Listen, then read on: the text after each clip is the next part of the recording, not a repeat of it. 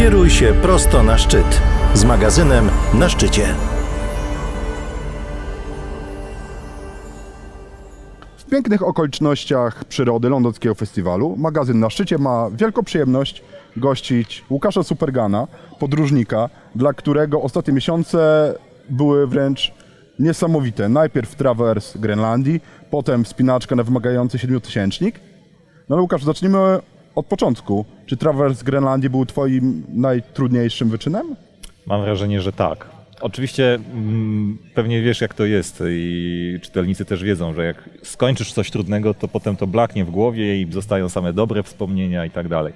Ale mm, przez ostatni dzień przygotowywałem się do prezentacji tutaj w Lądku i na przykład zobaczyłem nasze filmy z wnętrza namiotu albo gdzieś tam z jakiegoś środka dnia z Grenlandii i dużo jest takich ujęć, gdzie Mateusz siedzi w takiej pozycji, albo leży na saniach, albo ja leżę w namiocie i w jakiejś takiej dziwnej pozycji. Mm, I teraz jak przypominam sobie to wszystko, to być może to była najtrudniejsza fizycznie wyprawa. Oczywiście miałem takie trudne momenty w górach. Hantengri potem był bardzo trudnym, ale momentem. Jedno trudne zejście trwające na przykład jeden dzień albo coś takiego. Natomiast y, Grenlandia to było pięć tygodni i kiedy już byliśmy zmęczeni po powiedzmy dwóch,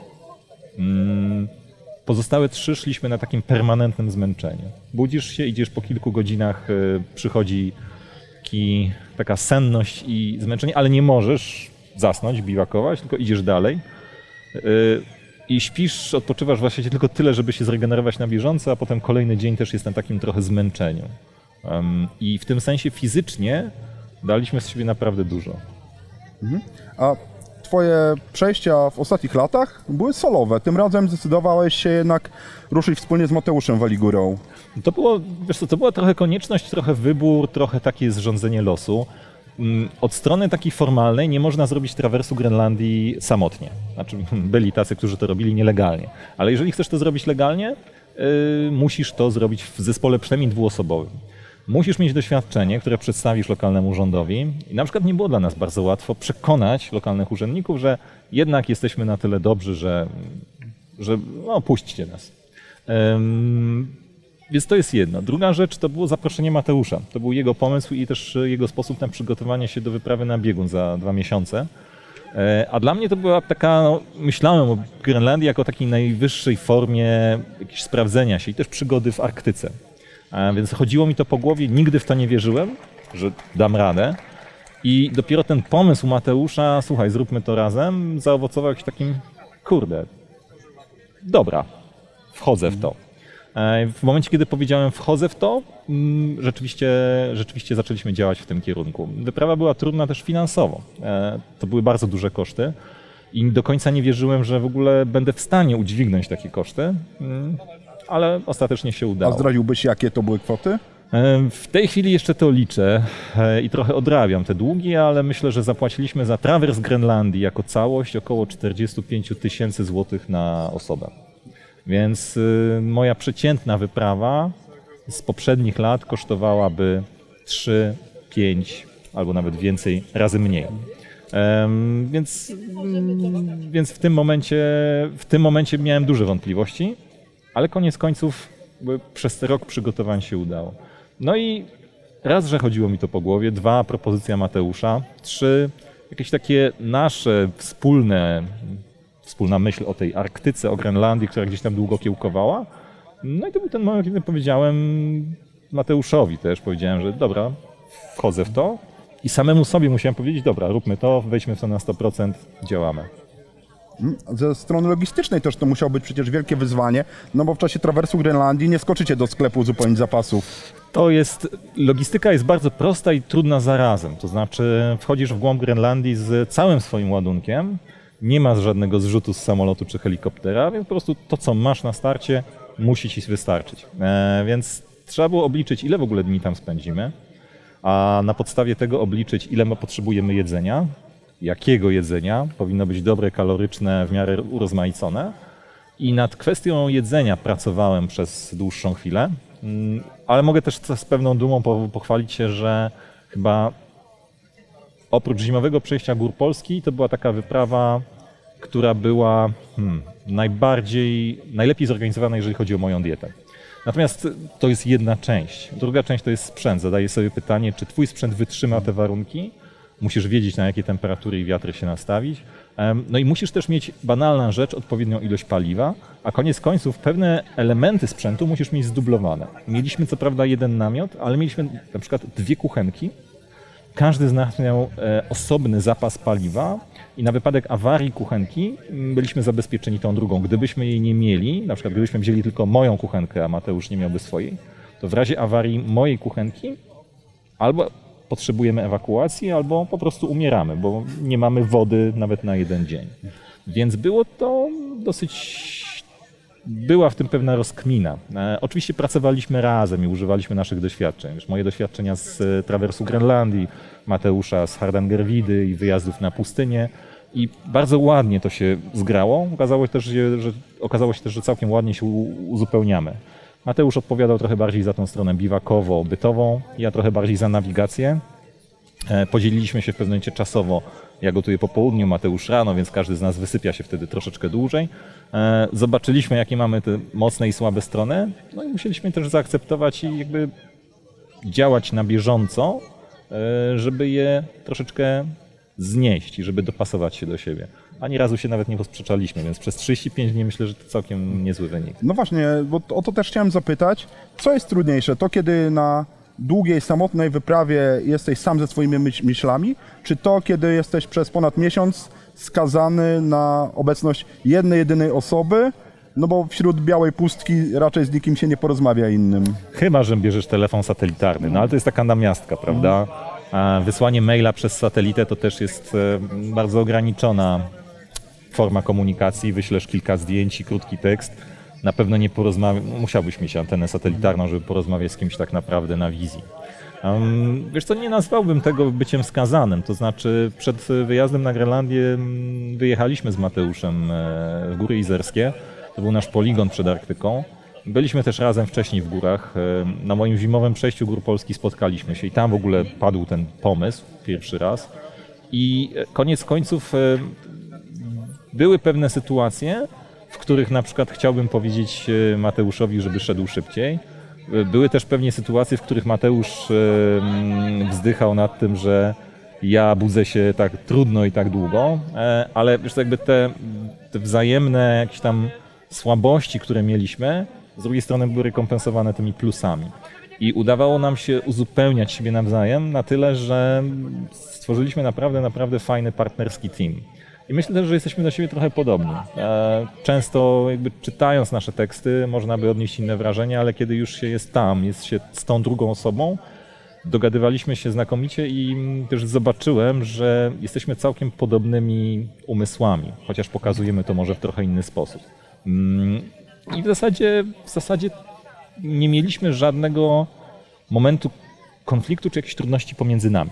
E, więc nie, w ogóle nie, nie, nie byliśmy skazani na siebie. To był racjonalny wybór i okazało się, że to był znakomity wybór.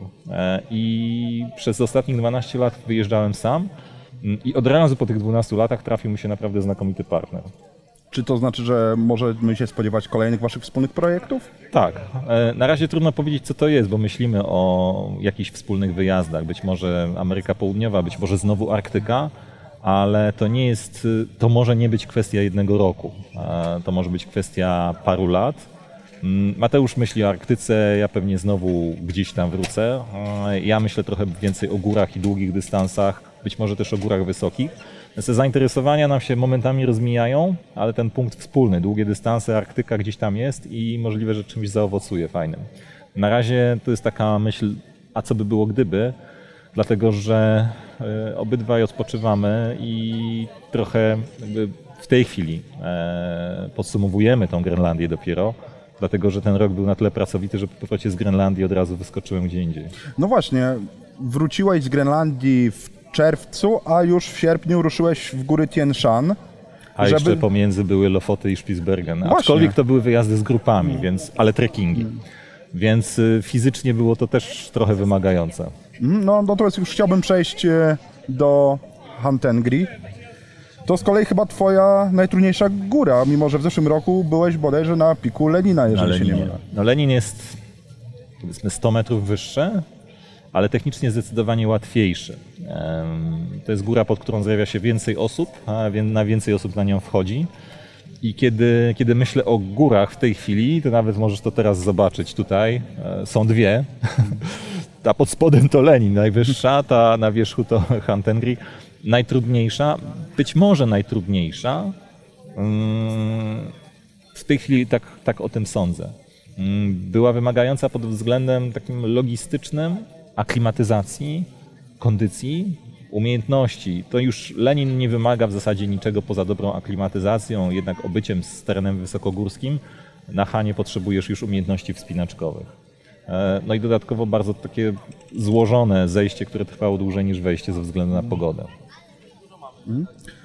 Po powrocie pisałeś, e, że nie wiesz, co dalej z twoimi górami, e, ale zdaje się, że już chyba odpowiedź poznałeś sam.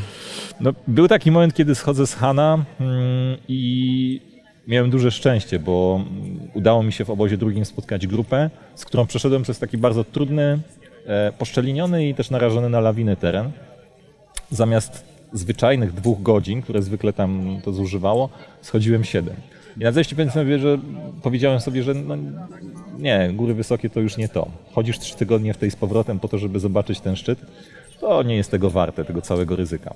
Teraz już może tak nie myślę. E, te dobre wspomnienia maskują te złe, ale ale nie jestem, jakby nie jestem zdecydowany, czy będę chciał iść wyżej, trudniej i tak dalej. Na pewno, na pewno to, co wiem, na pewno to, że styczeń spędzam e, na, e, w Ameryce Południowej, próbując wejść na Konkaguę. A co będzie później, zobaczymy. Mm, na razie nie planuję jakichś wyjść jeszcze bardziej wysokogórskich niż Han. Raczej myślę o powrocie do takich rzeczywiście szlaków długodystansowych, mm, chociaż na pewno wybiorę coś raczej trudniejszego niż, e, niż takie klasyczne długie dystanse. E, I zobaczę. Właśnie ta zima, zima będzie dla mnie też okresem pracy nad książką.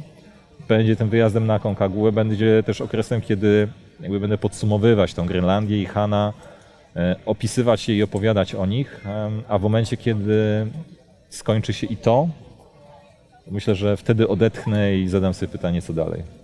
Czyli jak na razie nie myślisz o tym, żeby próbować skompletować całą Śnieżną Panterę?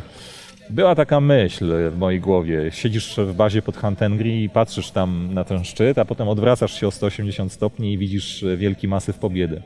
Ale widząc ten masyw i jakby znając jego specyfikę od lokalnych przewodników, widzę, że do tego masywu należałoby mieć duży, zgrany i bardzo mocny wspinaczkowo również zespół i dużo szczęścia. Jak mi powiedział Marcin Miotk, który jest e, zdobywcą Śnieżnej Pantery, no są 2-3 lata, takie długie okresy, kiedy nikt nie wchodzi na pobiedę. W tym roku nikt na nią nie wszedł.